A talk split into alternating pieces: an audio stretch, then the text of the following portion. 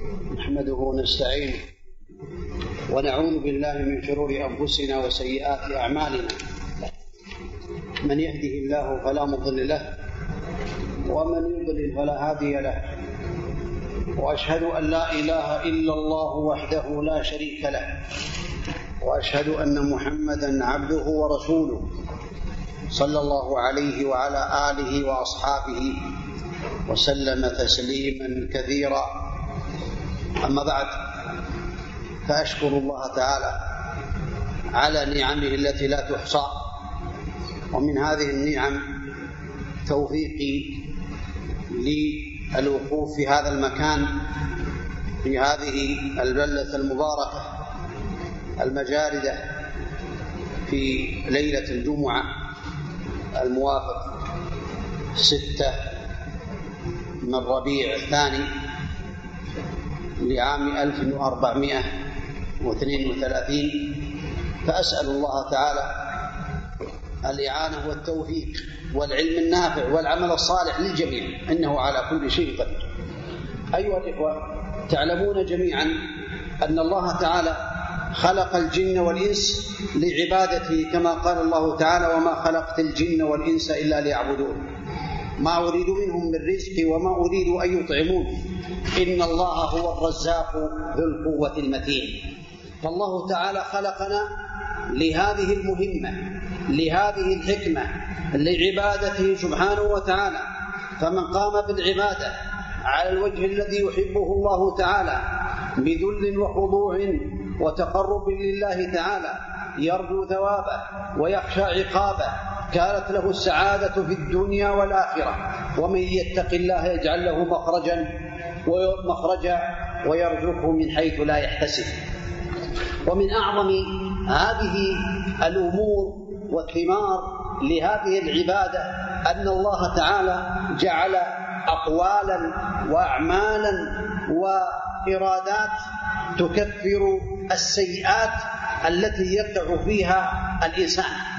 لأن الناس كلهم قد ظلموا أنفسهم. ثبت في الحديث الصحيح عن النبي عليه الصلاة عن أبي عن النبي عليه الصلاة والسلام أنه قال لأبي بكر حينما قال له أبو بكر يا رسول الله علمني دعاء أدعو به في صلاتي وفي رواية وفي بيتي. قال قل اللهم إني ظلمت نفسي ظلما كثيرا. ولا يغفر الذنوب إلا أنت. فاغفر لي مغفرة من عندك وارحمني إنك أنت الغفور الرحيم. هذا الحديث الصحيح يدل على فوائد. من أعظمها أن كل إنسان قد ظلم نفسه. لأن أبا بكر رضي الله عنه هو أفضل البشر بعد الأنبياء عليهم الصلاة والسلام. لو سئلت من أفضل الناس بعد الأنبياء صلوات الله وسلامه عليهم قل أبو بكر رضي الله عنه. ومع ذلك ظلم نفسه. فأينا لم يظلم نفسه؟ لأن النبي عليه الصلاة والسلام قال قل قل لأبا بكر اللهم إني ظلمت نفسي ظلما كثيرا. وليس ظلما بل ظلما كثيرا. فهذا يدل على أن كلنا قد ظلمنا أنفسنا. فجعل الله تعالى أعمالا وأقوالا وإرادات تكثر هذا الظلم وتكثر هذه السيئات وتجعل الإنسان سليما من هذه الأمور. ومن أعظم هذه الأمور ما جاء في كتاب الله تعالى وسنة النبي عليه الصلاة والسلام. لأن هذه الأمور توقيفية. لا يجوز للإنسان أن يقول أنه يغفر للإنسان بعمل ولا بقول إلا إذا قد قاله الله تعالى أو قاله النبي عليه الصلاة والسلام. فمن مكفرات الذنوب الإيمان والعمل الصالح.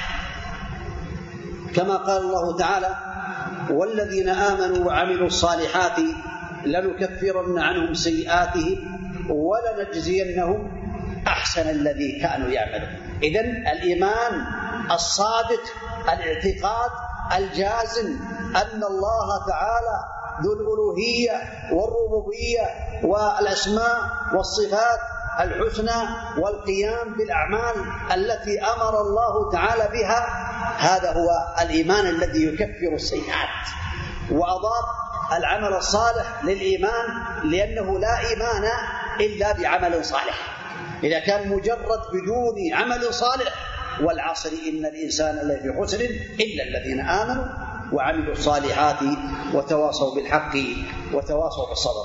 وقال الله تعالى ومن يؤمن بالله ويعمل صالحا. العمل العمل الصالح يقوم على ركنين الإخلاص لله تعالى والمتابعة للنبي عليه الصلاة والسلام. يكفر عنه سيئاته ويدخله جنات تجري من تحتها الأنهار خالدين فيها أبدا.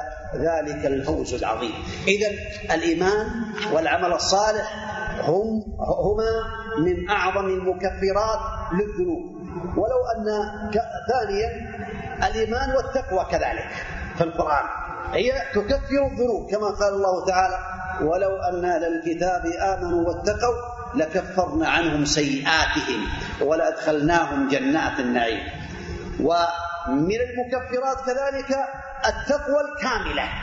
لأن التقوى أن تعمل بطاعة الله على نور من الله ترجو ثواب الله وتترك معصية الله على نور من الله تخشى عقاب الله هذه التقوى. إذا من مكفرات الذنوب التقوى الكاملة.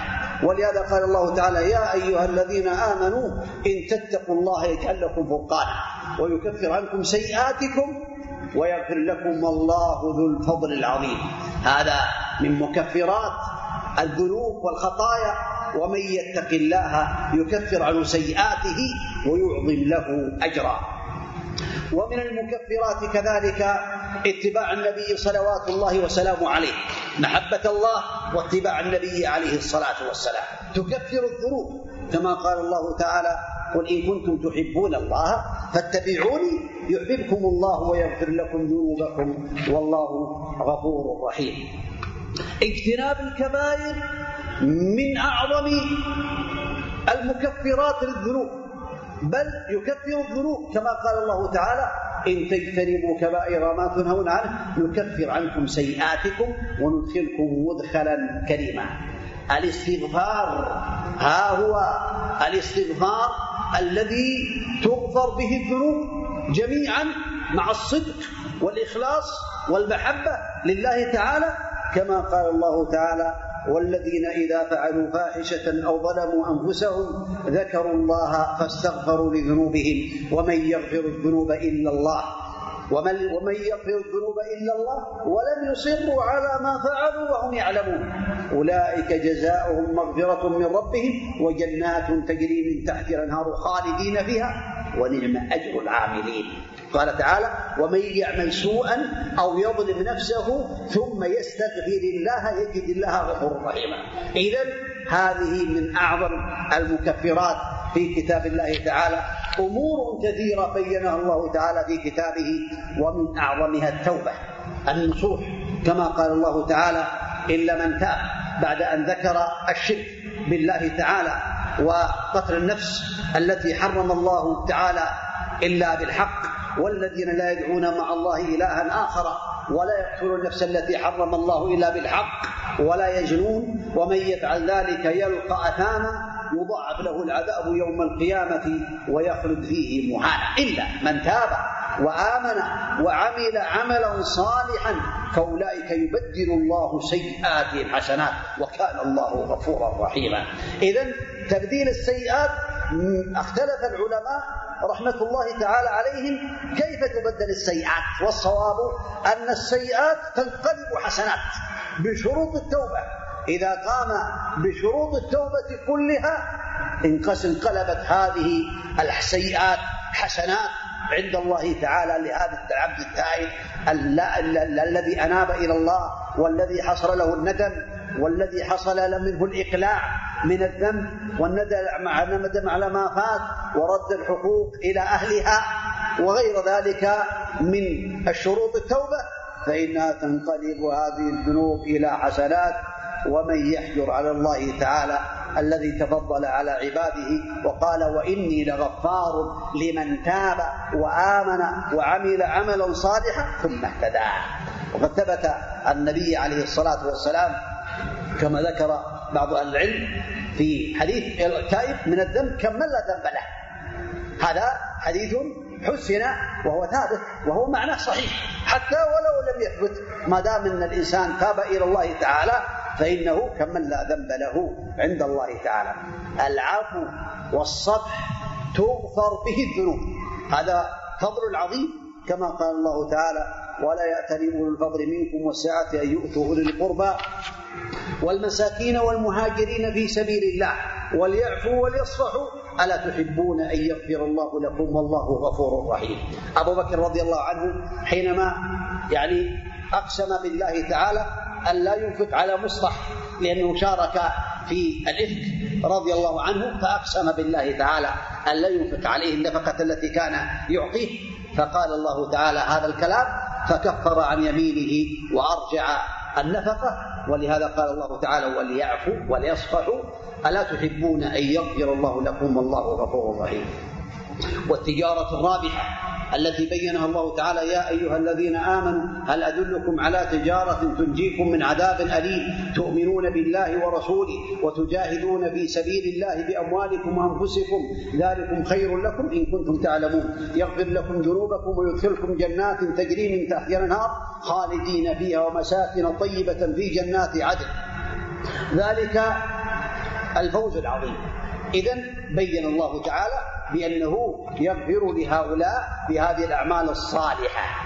القول السديد والتقوى كما قال الله تعالى يا أيها الذين آمنوا اتقوا الله وقولوا قولا سديدا. يصلح لكم أعمالكم ويغفر لكم ذنوبكم.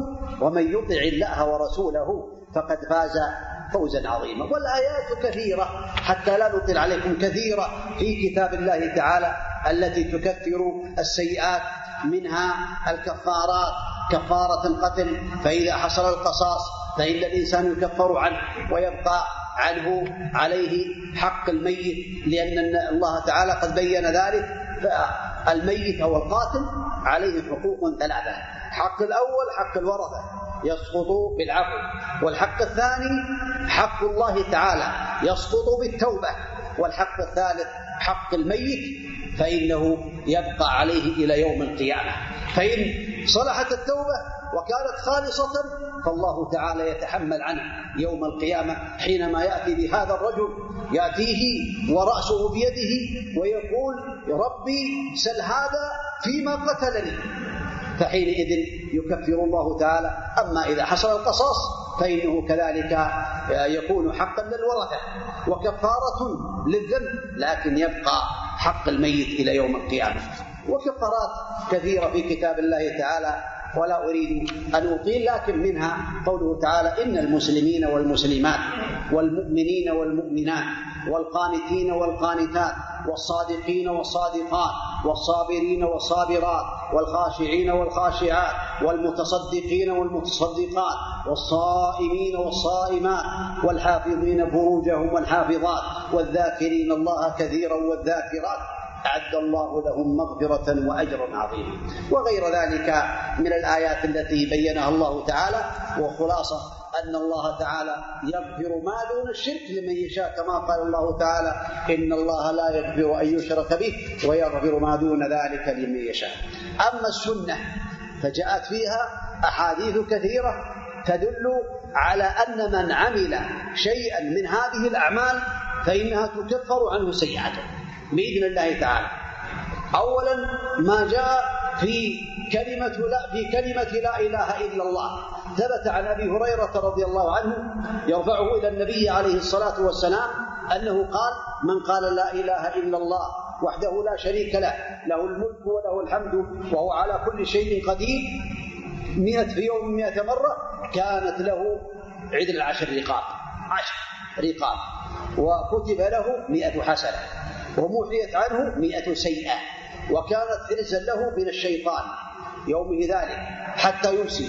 ولم يأتي أحد بأفضل مما جاء به إلا أحد عمل أكثر من ذلك. هذا فضل عظيم وثواب كبير. وثبت عنه عليه الصلاة والسلام أنه قال من قال بعد المغرب أو الصبح لا إله إلا الله وحده لا شريك له له الملك وله الحمد يحيي ويميت وهو على كل شيء قدير. عشر مرات بعث الله تعالى له مسلحة يحرسونه أي حرس يحرسونه من الشيطان حتى يصبح ومن حين يصبح حتى يمسي. وكتب له بها عشر حسنات موجبات ومحيت عنه عشر سيئات موبقات. وكانت له عدل عشر رقاب مؤمنات. هذا مما يكفر السيئات. كذلك الحسنات تذهب السيئات. كما قال النبي عليه الصلاة والسلام لأبي ذر حينما سأله قال قلت يا رسول الله أوصني. قال إذا عملت سيئة فأتبعها حسنة تمحوها. قال قلت يا رسول الله أمن الحسنات؟ لا إله إلا الله. قال هي أفضل الحسنات. فإذا كونك تكثر من لا إله إلا الله هذه أفضل الحسنات تمحو السيئات. وثبت عنه عليه الصلاة والسلام أنه أوصى معاذا حين بعثه اليمن قال اتق الله حيثما كنت وأتبع السيئة الحسنة تمحوها وخالق الناس بخلق حسن. ومن ما يكفر السيئات إسباب الوضوء كما في حديث الثابت في صحيح مسلم عن عبد بن عبسة رضي الله عنه أنه في حديث طويل قال وفيه قال قلت فالوضوء حدثني عنه أي يا رسول الله قال ما منكم رجل يقرب وضوءه فيتمضمض ويستنشق فيستنثر إلا خرت خطايا وجهه وفيه وخياشيمه ثم إذا غسل وجهه كما أمره الله إلا خرت خطايا وجهه من أطراف لحيته مع الماء ثم يغسل يديه إلى المرفقين إلا خرت خطايا يديه من أنامله مع الماء ثم يمسح رأسه إلا خرت خطايا رأسه من أطراف شعره مع الماء ثم يغسل قدميه إلى الكعبين إلا خرت خطايا رجليه من أنامله مع الماء. فإن هو قام فصلى فإن هو قام فصلى فحمد الله وأثنى عليه ومجده بالذي هو له أهل وفرغ قلبه لله. إلا أن صرف من خطيئته كهيئته يوم ولدته أمه رواه مسلم. هذا فضل عظيم ثواب كبير في الوضوء. لكن على الإنسان أن ينتبه لأن في الحديث كما أمره الله يلتزم بالسنة التي فعلها النبي عليه الصلاة والسلام حينما يتوضأ عليه الصلاة والسلام. ولهذا قال عثمان رضي الله عنه من توضأ يرفعه إلى النبي عليه الصلاة والسلام من توضأ فأحسن الوضوء خرت أو خرجت خطاياه من جسده حتى تخرج من تحت أظهاره. هذا يدل على فضل الوضوء وعلى التزام السنة في الطهارة والإسباب كذلك. الإسباب هو أن يكمل الوضوء. ولهذا ثبت عن عثمان رضي الله عنه أنه توضأ ثلاثا ثلاثا ثم قال رأيت النبي صلى الله عليه وسلم توضأ نحو وضوء هذا؟ ثم قال من توضأ نحو وضوء هذا؟ ثم صلى ركعتين لا يحدث فيهما نفسه إلا غفر الله له ما تقدم من ذنبه. والحديث متفق على صحته في البخاري ومسلم. وعن عقبة بن عامر رضي الله عنه يرفعه قال ما من مسلم يتوضأ فيحسن الوضوء أي يسبق الوضوء ثم يقوم فيصلي ركعتين مقبل عليهما بقلبه ووجهه إلا وجبت له الجنة. رواه مسلم. هذا فضل عظيم. يفوت كثير من الناس. فإذا وضأ توضأ وأسبغ الوضوء فإنه يشرع له أن يصلي ركعتين ويحاول ويجتهد ألا يحدث نفسه كما جاء في الحديث. ولا شك أن هذا من الفضائل العظيمة التي ينبغي للمؤمن أن يعنى بها حتى يحصل على الثواب العظيم. وفي حديث آخر عن عثمان قال لا يتوضأ رجل مسلم فيحسن الوضوء فيصلي صلاة إلا غفر الله له ما بينه وبين الصلاة التي تليها. هذا من فضل الله تعالى وعلى عباده. وكذلك إذا كمل الخشوع كما قال عليه الصلاة والسلام ما من ما من امرئ مسلم تحضره صلاة مكتوبة فيحسن وضوءها وخشوعها وركوعها إلا كانت كفارة لما قبلها من الذنوب ما لم يأتي كبيرة. وذلك الدهر.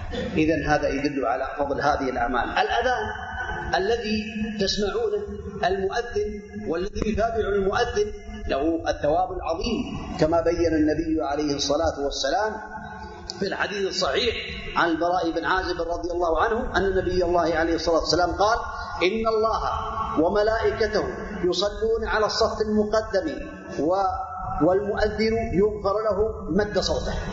مد صوتك يغفر لك وهذا من فضل الله. ويصدقه من سمعه من رطب ويابس وله مثل أجر من صلى معه. مثل أجر من صلى معه. من الناس صلى مع ألف له مثل أجرهم وهذا أكثر له مثل أجرهم وهذا من فضل الله تعالى. والأذان تغفر به الذنوب كما قال النبي عليه الصلاة والسلام يعجب ربكم من راعي غنم في رأس شظية بجبل يؤذن بالصلاة ويصلي فيقول الله عز وجل انظروا إلى عبدي هذا يؤذن ويقيم ويخاف مني. قد غفرت لعبدي وأدخلته الجنة. وهذه الأحاديث كلها صحيحة ثابتة عن النبي صلوات الله وسلامه عليه. وكلها تكفر الذنوب وهذا من فضل الله تعالى. على عباده وغيرها كثير. أما متابعة المؤذن فكذلك توجب الجنة كما ثبت عن عمر بن الخطاب رضي الله عنه قال عن النبي عليه الصلاة والسلام قال إذا قال المؤذن الله أكبر الله أكبر فقال أحدكم الله أكبر الله أكبر فإذا قال حي على الصلاة قال حي على الصلاة فإذا قال حي على الفلاح قال حي فإذا قال حي على الصلاة قال لا حول ولا قوة إلا بالله فإذا قال حي على الفلاح قال لا حول ولا قوة إلا بالله فإذا قال الله أكبر الله أكبر قال الله أكبر. الله أكبر. فإذا قال لا إله إلا الله قال لا إله إلا الله من قلبه دخل الجنة. رواه مسلم. هذا فضل عظيم. كثير من الناس محبوب يسمع المؤذن ولا يردد مع المؤذن ولا يستفيد من هذا الخير العظيم الذي إذا قاله من قلبه وقال لا إله إلا الله معه دخل الجنة كما بين النبي عليه الصلاة والسلام. وثبت في صحيح مسلم عن النبي عليه الصلاة والسلام أنه قال من قال حين يسمع المؤذن أشهد أن لا إله إلا الله وحده لا شريك له وأن محمدا عبده ورسوله رضيت بالله ربا وبمحمد رسولا وبالإسلام دينا غفر له ذنبه. وفي رواية من قال حين يسمع المؤذن وأنا أشهد وقد ذكر ابن خزيمة رحمه الله تعالى أن هذا الذكر يقال بعد التشهد إذا قال الله أكبر قال أشهد أن لا إله إلا الله قال أشهد أن لا إله إلا الله. فإذا قال أشهد أن محمد رسول الله قال أشهد أن محمد رسول الله. ثم يقول المتابع وأنا أشهد أن لا إله إلا الله وحده لا شريك له وأشهد أن محمدا عبده ورسوله. رضيت بالله ربا وبمحمد رسولا وبالإسلام دينا. يغفر له ذنبه كما قال النبي عليه الصلاة والسلام. المشي إلى الصلاة. كذلك يحط الخطايا والسيئات ولهذا ثبت عنه عليه الصلاة والسلام أنه قال وما من رجل يتطهر فيحسن الطهور ثم يعمل إلى مسجد من هذه المساجد إلا كتب الله له بكل خطوة يخطوها حسنة ويرفع بها درجة ويحط عنه بها سيئة. وهذا من كلام ابن مسعود رضي الله عنه وهو في حكم الرفع لأنه لا يتكلم إلا بشيء سمعه من النبي صلوات الله وسلامه عليه. وقال عليه الصلاة والسلام وذلك أن أحدكم إذا توضأ فأحسن الوضوء ثم خرج إلى المسجد لا يخرجه إلا الصلاة لم يخطو خطوة إلا رفع له بها درجة وحط عنه بها خطيئة. إذا هذا الإنسان في صلاة أولا خطيئة توضع عنه ويكتب له حسنة ويرفع له درجة بكل خطوة. هذا من فضل الله تعالى. هذا من فضل الله تعالى على عباده. ولا شك أن الإنسان عليه أن يغتنم هذه الفضائل العظيمة التي بينها النبي صلوات الله وسلامه عليه. والأحاديث في هذا كثيرة ولكن هذا من يعني بعضها. الصلوات الخمس تكفر السيئات. كما ثبت عن النبي عليه الصلاة والسلام مثل الصلوات الخمس كمثل نهر غمر على باب أحدكم يغتسل منه كل يوم خمس مرات. وقال عليه الصلاة والسلام الصلوات الخمس والجمعة إلى الجمعة ورمضان إلى رمضان مكفرات ما بينهن إذا اجتنبت الكبائر. هذا يدل على أنه لا بد من اجتناب الكبائر وإلا لا تكفر هذه الذنوب والعياذ بالله. لأن الله اشترط في تكفير الذنوب كلها اجتناب الكبائر.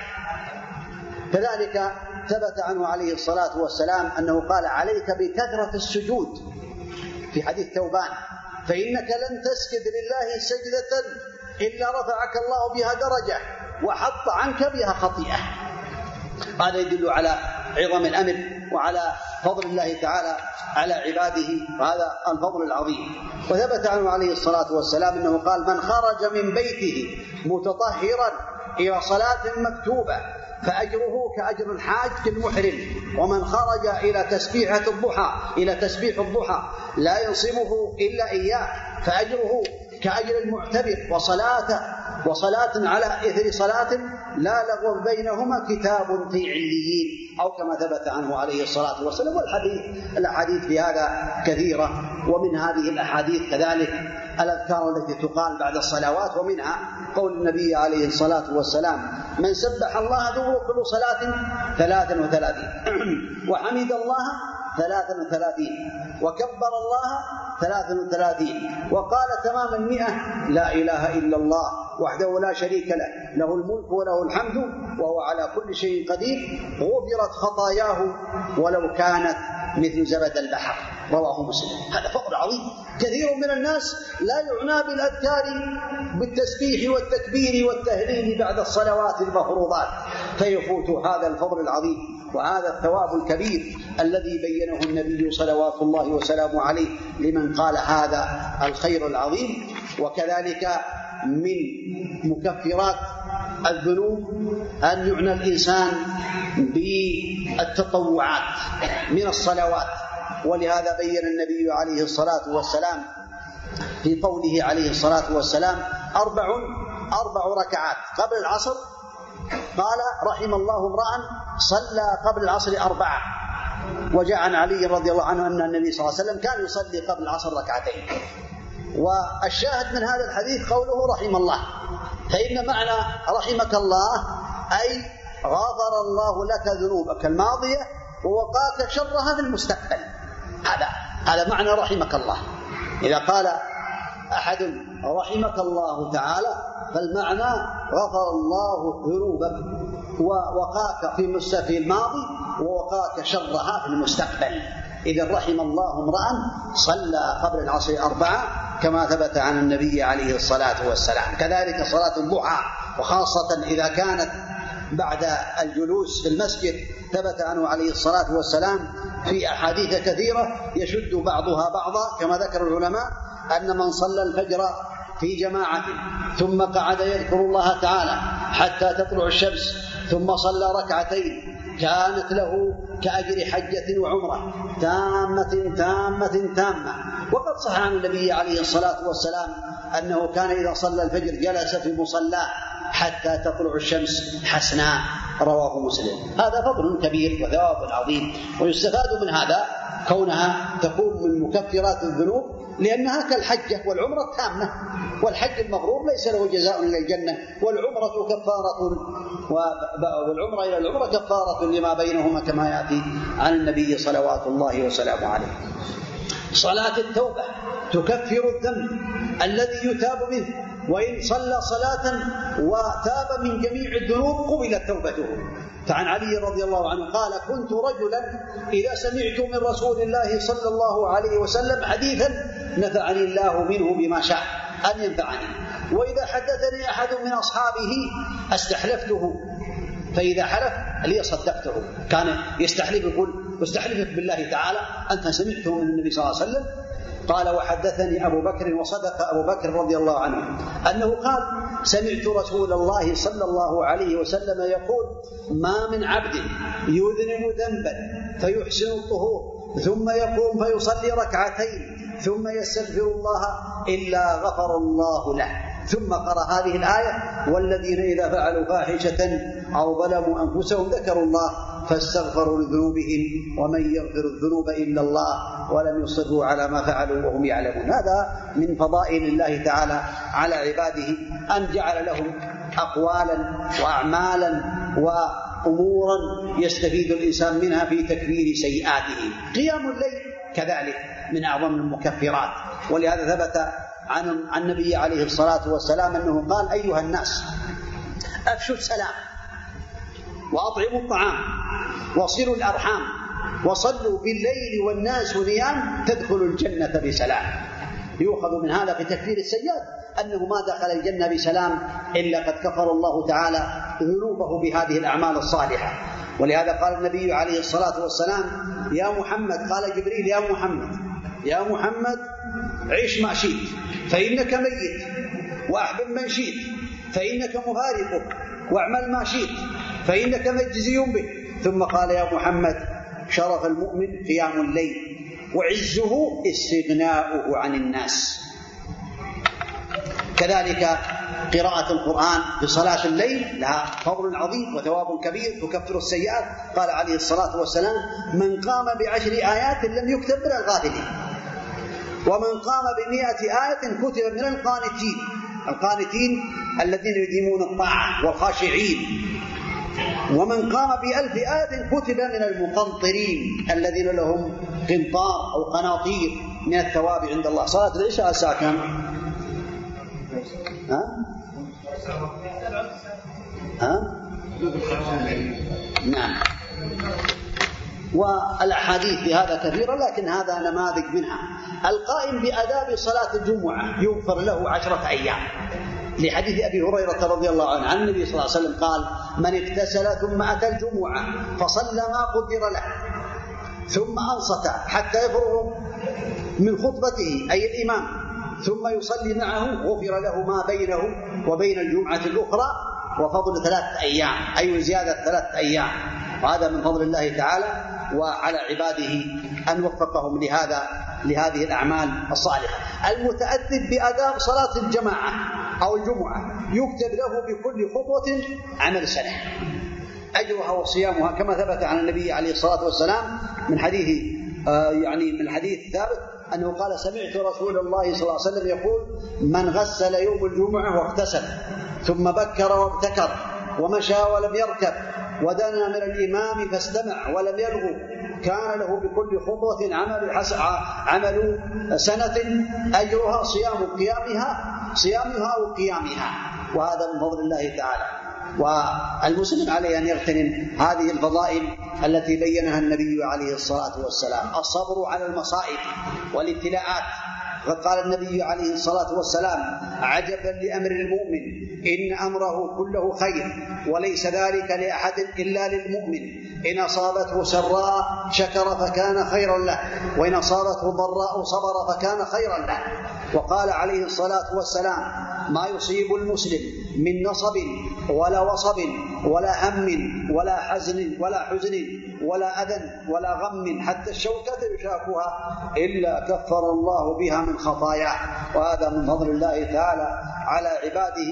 قد قال عليه الصلاة والسلام ما يزال البلاء بالمؤمن والمؤمنة في نفسه وماله وولده حتى يلقى الله تعالى وما عليه خطية. هكذا من صلى على الأموات وغسل الأموات تغسيل الأموات فيه فضائل عظيمة وثواب كبير. قد ثبت عن النبي عليه الصلاة والسلام أن من غسل مسلما فكتم عليه. غفر الله له أربعين مرة. ومن حفر له فأجنه أجري عليه كأجر مسكن أسكنه إياه إلى يوم القيامة. ومن كفنه كساه الله يوم القيامة من سندس واستبرق واستبرق الجنة وهذا من فضل الله تعالى. كذلك الصلاة على الأموات يعطي الله تعالى بها الأجر العظيم. فإنه قد قال من اتبع جنازة مسلمة من اتبع جنازة مسلمين إيمانا واحتسابا وكان معه حتى يصلي. ولكن هذا الحديث والله أعلم مستثنى مستثنى في الإخلاص لبركة طلب العلم ومجالسه. قال فإن منهم فلان ليس منهم. قال ولو غفرت. هم القوم لا يشقى بهم جليسهم.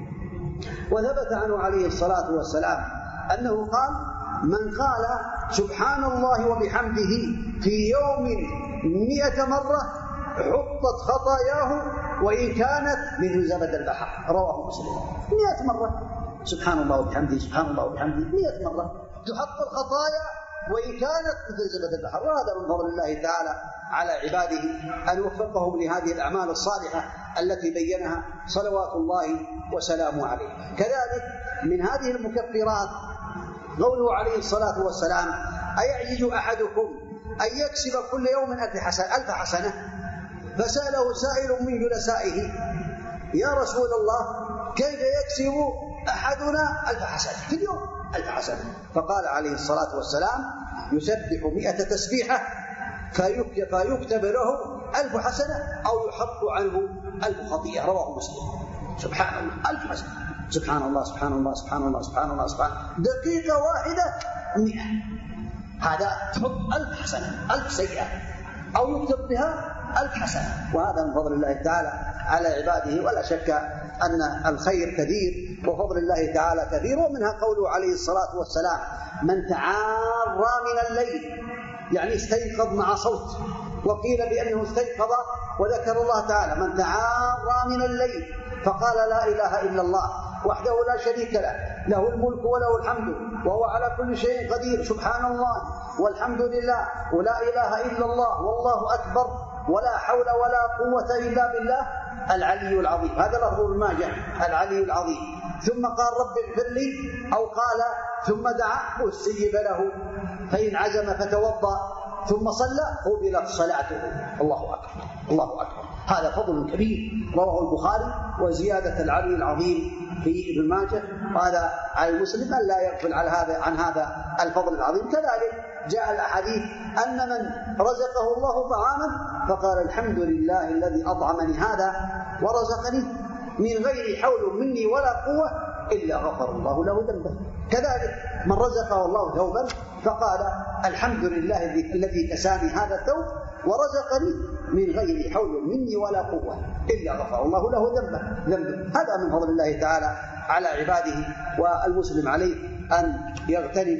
هذا الفضل العظيم وهذه المكفرات التي بينها النبي عليه الصلاة والسلام وهي كثيرة. لا أستطيع أو لا يستطيع الإنسان أن يحصر المكفرات التي بينها النبي صلوات الله وسلامه عليه. ولهذا ثبت عنه عليه الصلاة والسلام أن رجلا قدم قدم فصلى وتشهد بصلاته. ثم قال في التشهد اللهم إني أسألك يا الله بأنك الواحد الأحد الصمد الذي لم يلد ولم يولد ولم يكن له كفوا أحد أن تغفر لي ذنوبي إنك أنت الغفور الرحيم. فقال رسول الله صلى الله عليه وسلم قد غفر له. ثلاث مرات. أي قد غفر له قد غفر له قد غفر له. رواه النسائي وهو حديث ثابت عن النبي عليه الصلاة والسلام. كذلك الإمام إذا أمن الإمام فأمنوا. فإنه من يوافق تأمينه تأمين الملائكة غفر الله له ما تقدم من ذنبه أو غفر الله له ذنبه. كذلك قال إذا قال الإمام سمع الله لمن حمده فقولوا اللهم ربنا لك الحمد فإنه من يوافق تأمينه أو من يوافق قوله قول الملائكة غفر الله له ذنبه أو كما قال النبي عليه الصلاة والسلام. لكن على الإنسان أن ينتبه لأمرين. الأمر الأول الكبائر كبائر الذنوب.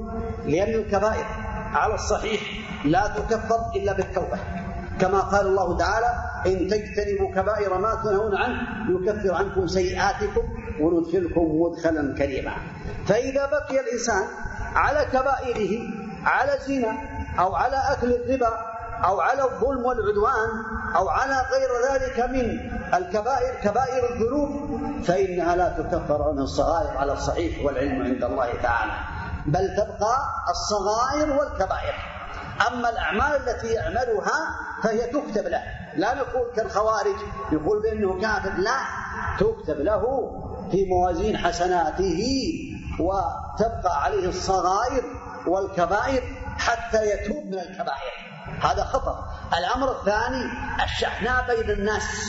فإذا كان بينه وبين أخيه شحناء فإن الأعمال توقف كما سمعتم. تعرض الأعمال على الله تعالى في يوم الاثنين والخميس فيغفر الله تعالى لكل مسلم لا يشرك بالله شيئا إلا رجلا بينه وبين أخيه شحناء فيقول الله تعالى أنظر هذين حتى يصطلحا أنظر هذين حتى يصطلحا أسأل الله تعالى بأسماء الحسنى وصفات العلى أن يوفقني وإياكم لطاعته وأن يجعلنا وإياكم من الذين يستمعون القول فيتبعون أحسنه إنه ولي ذلك والقادر عليه. وأما بقية الكلام إن شاء الله فهو مع الأسئلة التي قدمها الإخوان ونستمع إن شاء الله من من يقرأها حتى نستفيد جميعا. نسأل الله عز وجل لنا ولكم العلم النافع والعمل الصالح والتوفيق لما يحبه ويرضاه. صلى الله وسلم وبارك على نبينا محمد.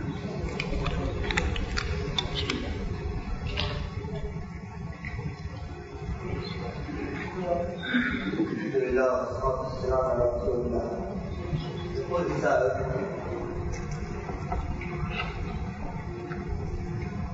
يقول فضيلة الشيخ أنت تعلم ما يحصل هذه الأيام من كثرة الفتن والمظاهرات فماذا على المسلم من الواجب جاء هذا أولا المظاهرات ليست من أعمال المسلمين. وليست مشروعة بل فيها محاذير كثيرة.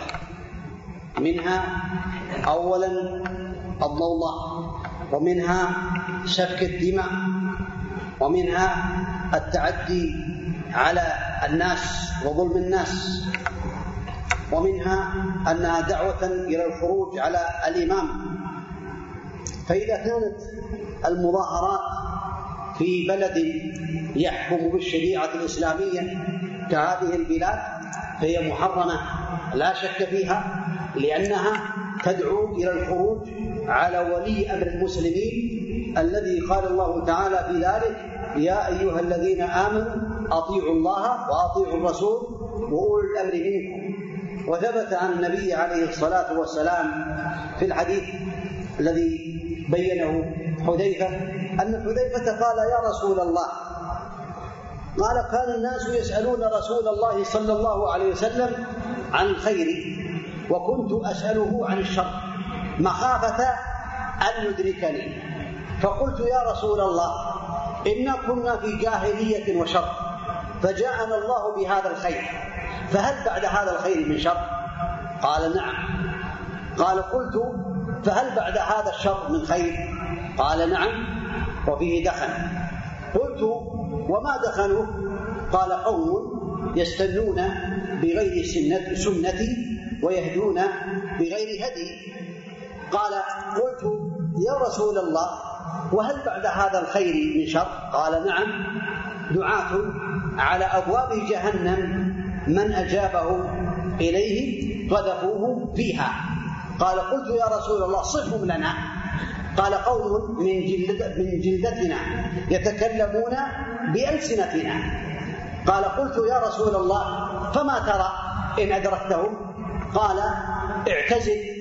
قال إلزم جماعة المسلمين وإمامهم. قال قلت يا رسول الله فإن لم يكن لهم إمام ولا جماعة. قال فاعتزل تلك الفرق كلها ولو أن تعض على أصل شجرة حتى تلقى الله وأنت على ذلك. رواه مسلم. هذا يدل على أن هذه الأمور من الفتن. فإذا كانت في مثل هذه البلاد فهذا محرم لأنه يسبب سفك الدماء ويسبب خروج الناس على ولي أمر المسلمين. ومن خرج عن البيعة فمات فميتته جاهلية. ولهذا ثبت عن النبي عليه الصلاة والسلام أنه قال أطع الأمير وإن أخذ مالك وضرب ظهرك وقال عليه الصلاة والسلام حينما أوصى الصحابة قالوا يا رسول الله أوصنا. قال أوصيكم بالسمع والطاعة. فأوصاهم بالسمع والطاعة صلوات الله وسلامه عليه. فالسمع والطاعة لولي الأمر واجب من واجبات الإسلام لأنها بيعة. أما إذا كانت في غير البلاد التي تحكم بالشريعة في بلاد تحكم بغير شرع الله تعالى فكذلك. ذكر العلماء منهم شيخنا رحمة الله تعالى عليه ابن باز أن الناس إذا كانوا عندهم قدرة واستطاعة عندهم قدرة واستطاعة وقوة أن يحكموا بشرع الله تعالى إذا كان كافرا الإمام عندهم فلهم أن يخرجوا عليه بشروط منها. أولا أن يكون هناك كفرا بواحا عندهم من الله فيه برهان. وثانيا أن يكون عندهم قدرة لا يسببون مشاكل على المسلمين قتل الأطفال وإيتام يعني الأطفال وترويل النساء وسفك الدماء وإيقاف الدعاة وغير ذلك من الفساد. لا. ف والأمر الآخر أن يكون هناك بديلا يقوم بهذا الشأن. قد أحضر يحكم بشرع الله تعالى وبسنة النبي عليه الصلاة والسلام هذا في غير هذه البلاد. هذه الشروط. إذا هذا يدل على أن الأمر خطير وأن بالنسبة للمظاهرات فلم تشرع. لا في هذه البلاد ولا في غيرها. فعلى المسلم أن يتقي الله تعالى. كما يعلم المسلم أن النبي عليه الصلاة والسلام قد بين لنا صلوات الله وسلامه عليه أن إذا بايعنا إماما على بيع الله تعالى ثم أراد أن من الناس أحد أن يأتينا ويفرق شملنا قال فاقتلوه. فاقتلوه. كائنا ما كان. أو كما قال النبي عليه الصلاة والسلام والقتل ليس لك ولا لي. القتل لولي الأمر. فإذا أراد أن يفرق جماعة المسلمين ويشتت شملهم ويحدث الفساد في الأرض وسفك الدماء هذا الأمر ينبغي للمسلم أن يتقي الله تعالى ونحن في بلاد في الحقيقة. هذا صدق إن شاء الله وقول حق. لا أعرف بلدا من بلدان الدنيا كالمملكة العربية السعودية في تطبيق الشريعة الإسلامية. ولا يقال بأنهم كالأنبياء. لا. في عهد النبي عليه الصلاة والسلام كانت تقام الحدود في الزنا وكذلك في القتل. وكذلك في شرب الخمر وكذا. معاصي المعاصي موجودة المعاصي موجودة. ولهذا قال النبي عليه الصلاة والسلام حينما ذكر بعض الأمراء وما يحصل من الفساد؟ قالوا يا رسول الله ألا نقاتلهم بالسيف؟ قال لا. إلا أن تروا كفرا بواحا عندكم من الله فيه برهان وفي رواية أخرى لا ما صلوا فعليك يا عبد الله أن تعلم هذا وأن تنتبه من هذه الحركات المضللة. أسأل الله تعالى لي ولكم التوفيق والتسديد والعلم النافع والعمل الصالح. نعم. السائل يقول كلمة مختصرة لمن يتهاون نعم. تهاون يتهاون الأذكار الأذكار سنة نعم غير السؤال الثاني. يقول السائل وجاء شرح منهج السنة والجماعة في والصفات. نعم. منهج أهل السنة والجماعة. مذهب أهل السنة والجماعة في الأسماء والصفات أنهم يثبتون لله تعالى. ما أثبته لنفسه سبحانه وتعالى وما أثبته له رسوله صلى الله عليه وسلم من غير تعطيل ولا تحريف ولا تكييف ولا تمثيل ويمرونها كما جاءت مع الإيمان بمعانيها والمعنى يثبتون لله تعالى الأسماء والصفات ولا يعطلون كما تعطل الجهمية ولا يحرفون كما يحرف آه، المؤولة الذين يؤولون أسماء الله تعالى وصفاته. كمن يقول الرحمن على العرش استولى. كذا الله يقول الرحمن على العرش استوى. استواء والمعنى استواء يليق بجلاله سبحانه وتعالى. ليس كمثله شيء وهو السميع البصير. استواء معلوم معلوم الاستواء بالدليل والإيمان به واجب للدليل والسؤال والكيف مجهول. ما نعرف الكيفية؟ الله تعالى ما أخبرنا كيف وكيف. الله تعالى لم يخبرنا بالكيفية والكيف مجهول والسؤال عنه بدعة أي عن الكيفية. إذا تطبق هذه القاعدة قاعدة الإمام مالك على جميع الصفات فيقال النزول معلوم نزول الله تعالى. كما قال النبي عليه الصلاة والسلام ينزل ربنا في الثلث الآخر من الليل إلى سماء الدنيا. فيقول من يدعوني فأستجيب له من يسألني فأعطيه من يستغفرني فأغفر له إلى أن يبرق الفجر. هذا من فضل الله تعالى هذا نزول. النزول معلوم لا شك فيه أنه ينزل نزولا يليق بجلاله. ما أخبرنا كيفية النزول؟ ينزل لكنه ما أخبرنا الكيفية. نزولا يليق بجلاله فقل النزول معلوم والإيمان به واجب والكيف مجهول والسؤال عن الكيف بدعة وهكذا الوجه معلوم والكيف مجهول. والإيمان به واجب والسؤال عن الكيفية بدعة. اليدان معلومتان وهكذا. إذا هذا مذهب أهل السنة والجماعة. من غير تحريف تعطيل ولا تحريف ولا تكييف ولا تمثيل لا يمثلون الله تعالى بخلقه سبحانه وتعالى. وصفاته سبحانه وتعالى لا يصف الله تعالى إلا بصفة في كتابه. أو في سنة النبي عليه الصلاة والسلام بينها الله تعالى. فإذا وصف نفسه بصفة أو وصفه رسوله عليه الصلاة والسلام بها في كتابه في سنته عليه الصلاة والسلام أثبتناها على التفصيل السابق. وهذا منهج أهل السنة والجماعة من أخذ به فقد فاز وسعد ومن ضل عنه فقد خاب وخسر. وأعظم الكتب بعد كتاب الله تعالى في هذه العقيدة العقيدة الواسطية لشيخ الإسلام ابن تيمية رحمة الله تعالى عليه بين فيها ما ينبغي أن يبين ومعنى إمرارها كما جاءت أي من غير تحريف ولا تعطيل أي مع الإيمان بمعانيها. يعني الله تعالى رحيم ذو رحمة وهو تعالى عزيز ذو عزة كريم ذو كرم. سبحانه وتعالى. نعم. يقول السائل كيف القول على من يعظم الأولياء؟ وبعض صور التعظيم أن الأولياء يتصرفون في الكون أو يدعو الأولياء ويعتقد ان النفع والضر بايديهم هذا هذا ما يحتاج ما يحتاج الرد على هؤلاء. والحمد لله هذه البلاد قد ظهر الله تعالى من الشركيات في هذا الوقت والحمد لله. لكن يرد عليه كما قال الشيخ الإسلام ابن تيمية محمد عبد الوهاب رحمه الله تعالى بين أربع قواعد للتوحيد.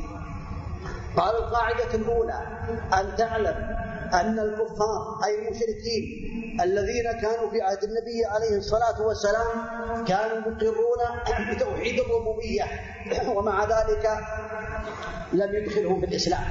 كانوا يقولون بأن الله الخالق الرازق المدبر المعطي الخافض الرافع المعز المذل. لكن مع ذلك ما دخلوا في الإسلام لأنهم ما آمنوا بتوحيد الألوهية. والأمر الثاني القاعدة الثانية قال أنهم يقولون ما نعبدهم إلا ليقربونا إلى الله زلفى. يقول ما عبدنا هؤلاء الصالحين؟ ولا عندهم نفع ولا ضر ولا عطاء ولا منع ولكنهم يقربون إلى الله. اذا يقال لهذا الذي يقول الأولياء ينفعون ويضرون هذا صار شركه أكثر وأعظم وأجرم من شرك أبي جهل وأبي لهب. لأنهم يقولون ما نعبدهم إلا ليقربونا إلى الله زلفى. وهذا شرك أكبر بإجماع أهل السنة من أهل التوحيد. شرك أكبر. فالذي يقول إنهم ينفعون هذا أشرك في توحيد الربوبية وتوحيد الألوهية. نسأل الله العفو والعافية. هذا جرم كبير. ثم قال القاعدة الثانية أن تعلم أن النبي عليه الصلاة والسلام الثالثة خرج على أناس متفرقين في عباداتهم منهم من يعبد الشمس ومنهم من يعبد القمر ومنهم من يعبد الكواكب ومنهم من يعبد الجن ومنهم من يعبد الصالحين ومنهم من يعبد الأنبياء ومع ذلك قاتلهم جميعا ولم يفرق بينهم ها؟ لو كان على حق كان ترك الذين يعبدون الأولياء قاتلهم جميعا عليه الصلاة والسلام. قال القاعدة الرابعة أن تعلم أن مشركي زماننا. انتبه هذه الكلمة التي قلتها وأن الأولياء تصرفون قال مشركي زماننا أعظم شركا من الأولين. لأن الأولين كانوا يخلصون في الشدة ويشركون في الرخاء. أما مشرك زماننا فشركهم دائم في الرخاء والشدة. لأن الأولون لأن الأولين من المشركين في زمن النبي عليه الصلاة والسلام كما قال الله فإذا ركبوا في الفلك دعوا الله مخلصين له الدين. ولهذا كثير من الناس لو وقع في سفينة أو كادت أن تغرق في البحر وهذا قد حصل من بعض المبتدعة أنهم إذا كادت السفينة تغرق يا سيدي بدوي يا سيدي يا سيدي الحسين يا سيدي فلان يا سيدي. لو كان أبو جهل معه لقد لا يا الله يا الله. هذا يدل على أن هؤلاء شركهم أكثر أعظم من شرك الأولين. نسأل الله العفو والعافية. فالولي ما عنده شيء. ولي. الله تعالى حدد عرفه ألا إن أولياء الله لا خوف عليهم ولا هم يحزنون. من هم؟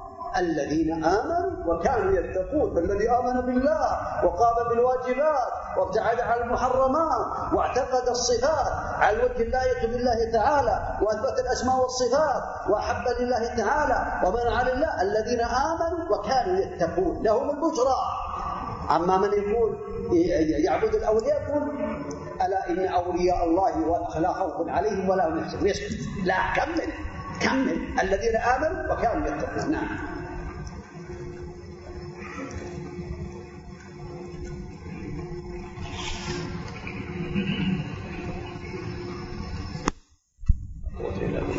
السائل يقول هل تصح الصلاة؟ هل تصح الصلاة؟ خلف من يعتقد أن أولياء من الغيب فإذا صلى العبد خلف من يعتقد مثل هذا المعتقد هل يعيد صلاته؟ أولا الصلاة لا تصح خلف من لا تصح صلاته. قاعدة تصح الصلاة خلف من تصح صلاته لنفسه. هذا يدل على أنها الصواب أنها تصح خلف الفاسق. خلف المسبل خلف الحليف لكنه لا ينصب إماما للمسلمين. لكن لو مريت بطريق وجدت إنسان مسلم يصلي بالناس أو حليف يصلي بالناس صلي مع الناس. صلاته تصح لنفسه. لكن لا ينصب إماما ولا يقدم إمام المسلمين ولا يعين إماما ولا مؤذنا. أما من لا تصح صلاته صلاته لنفسه فلا تصح الصلاة خلفه. فالذي يعتقد أن الأولياء ينفعون ويضرون أو يعطون أو يمنعون أو يعني يشفعون يعني يطلب منهم الشفاعة يعني يطلب الشفاعة منهم يا سيدي فلان اشفع لنا. هذا كافر. إذا أقيمت عليه الحجة إذا كان قد سمع القرآن وسمع العلم وبلغ وهو في بلاد المسلمين. أما إذا كان في الغابات مع الحيوانات ما يدري فيبلغ ويعلم. فلا تصح الصلاة خلفه ولا يصلى خلفه. ويعني والحمد لله لا أظنه يكون يكون عندنا في المملكة العربية السعودية هذا قد يكون في بعض الدول. والحمد لله هذه البلاد قد طهرها الله تعالى من الشرك إلا أن يكون هناك شيء لا نعلمه فالأمر يعني واضح. الخلاصة لا تصح خلفه إذا كان كافرا بالله تعالى. نعم. كل سؤال نصيحة لمن يعاني من السحر أو الأذى نعم. آه، نصيحة لمن يعاني من السحر.